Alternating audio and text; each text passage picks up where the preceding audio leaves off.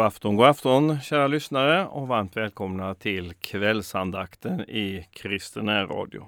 Och det är jag, Stanley Källner, som svarar för den ikväll och under den här veckan. Vi ska börja andakten med att lyssna till Emilia Lindberg som framför Därför har jag Jesus kär.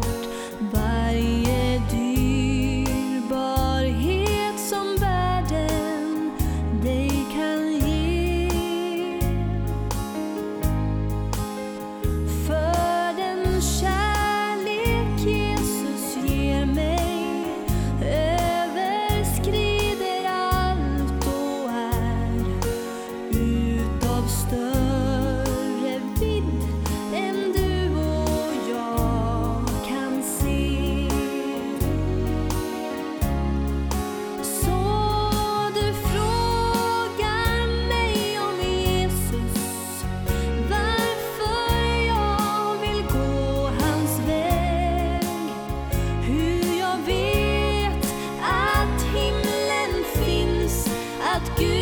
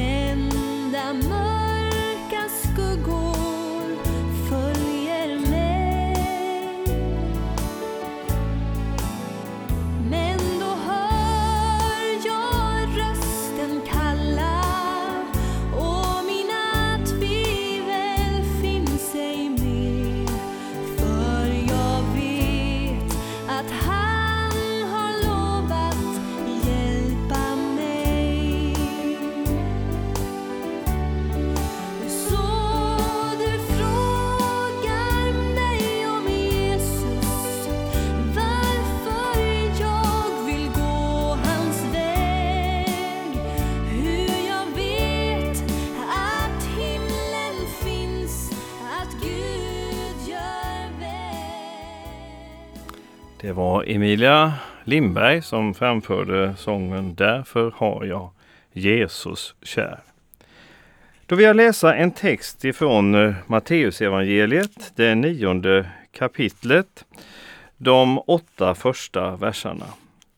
Han steg i en båt och for över sjön till staden där han bodde. Där kom de till honom med en lam man som låg på en bår.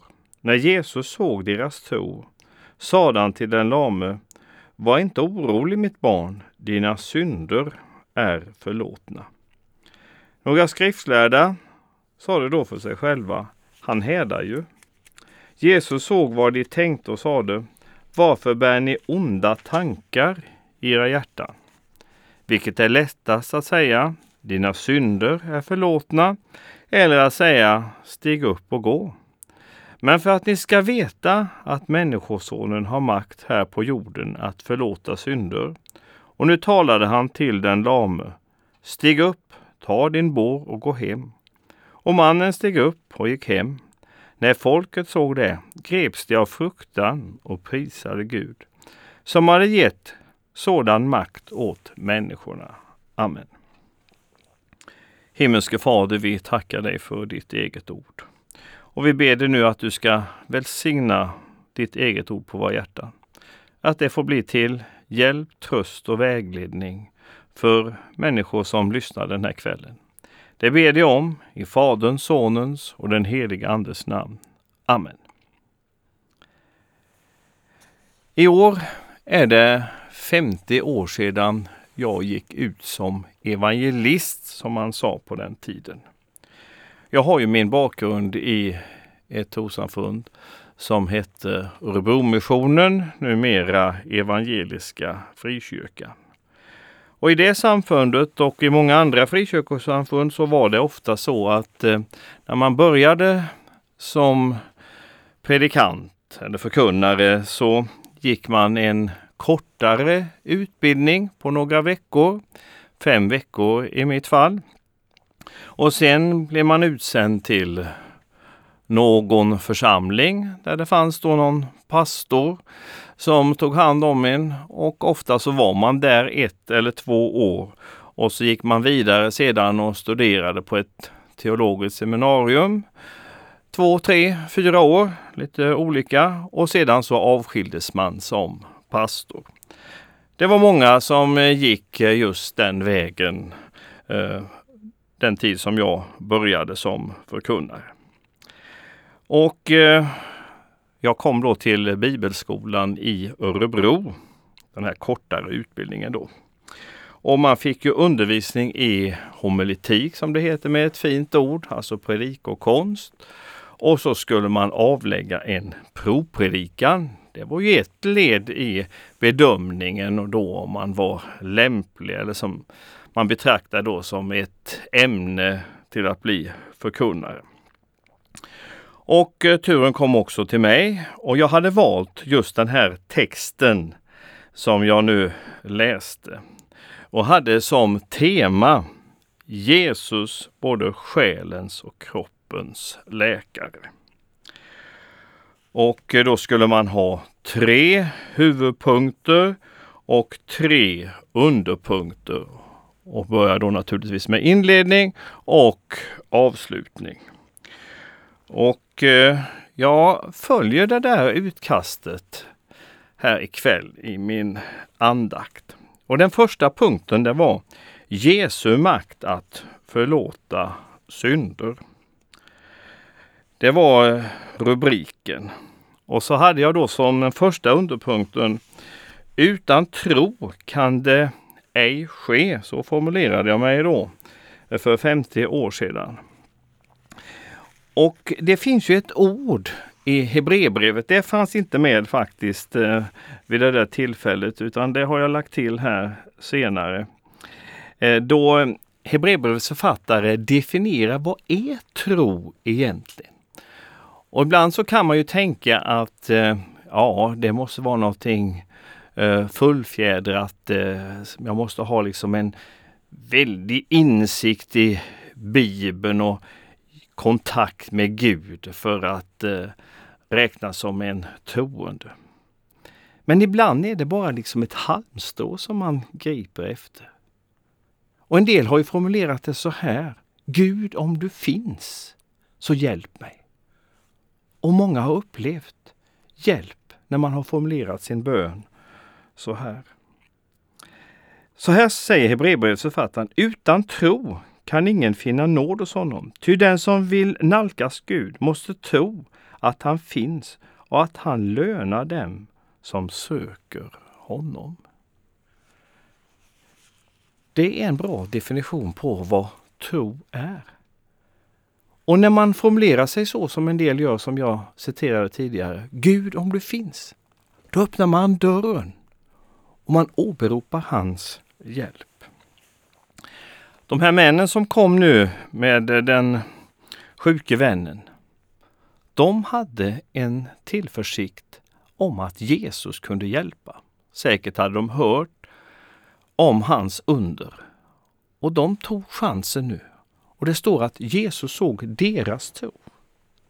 Han såg att de hade den här förtröstan på och tilliten till att Jesus kunde hjälpa. Så kommer nästa punkt. Det viktigaste är att synden är förlåten. Så formulerade jag mig för 50 år sedan. Och jag skulle använda exakt samma formulering idag. För jag tror att det är det som Jesus vill säga på ett speciellt sätt vid det här tillfället. det är viktigt med hälsan. Det är mycket som vi kan sätta värde på i livet, som vi behöver och som vi vill ha. Och som absolut inte ska ringaktas. Men Jesus vill understryka att det viktigaste för varje människa, det är att man har sina synder förlåtna. Att man gör anspråk på den förlåtelse som Jesus vill skänka. För det är synden som står i vägen för gemenskapen med Gud. Det betyder inte att man blir fullkomlig som människa, för det kan ingen bli. Och vi kommer ständigt att göra misstag och felsteg. Men då har vi ställt oss under Jesus Kristus och hans förlåtande nåd. Och det är det som egentligen i djupaste meningen är att vara en kristen. Att jag behöver hans nåd. Att jag behöver förlåtelse för mina synder. Så läser vi om Jesus samtal med de skriftlärde. Och de reagerar mot att Jesus säger Min vän, dina synder är förlåtna. För de menade att Jesus härdade. De förstod inte att han var Guds son eller ville inte erkänna honom som Guds son. Men det är Jesus. Och för honom så var det helt naturligt. Eftersom han var Gud så kunde han förlåta människorna deras synder. Men Jesus bevisar då att han har makten att förlåta synder.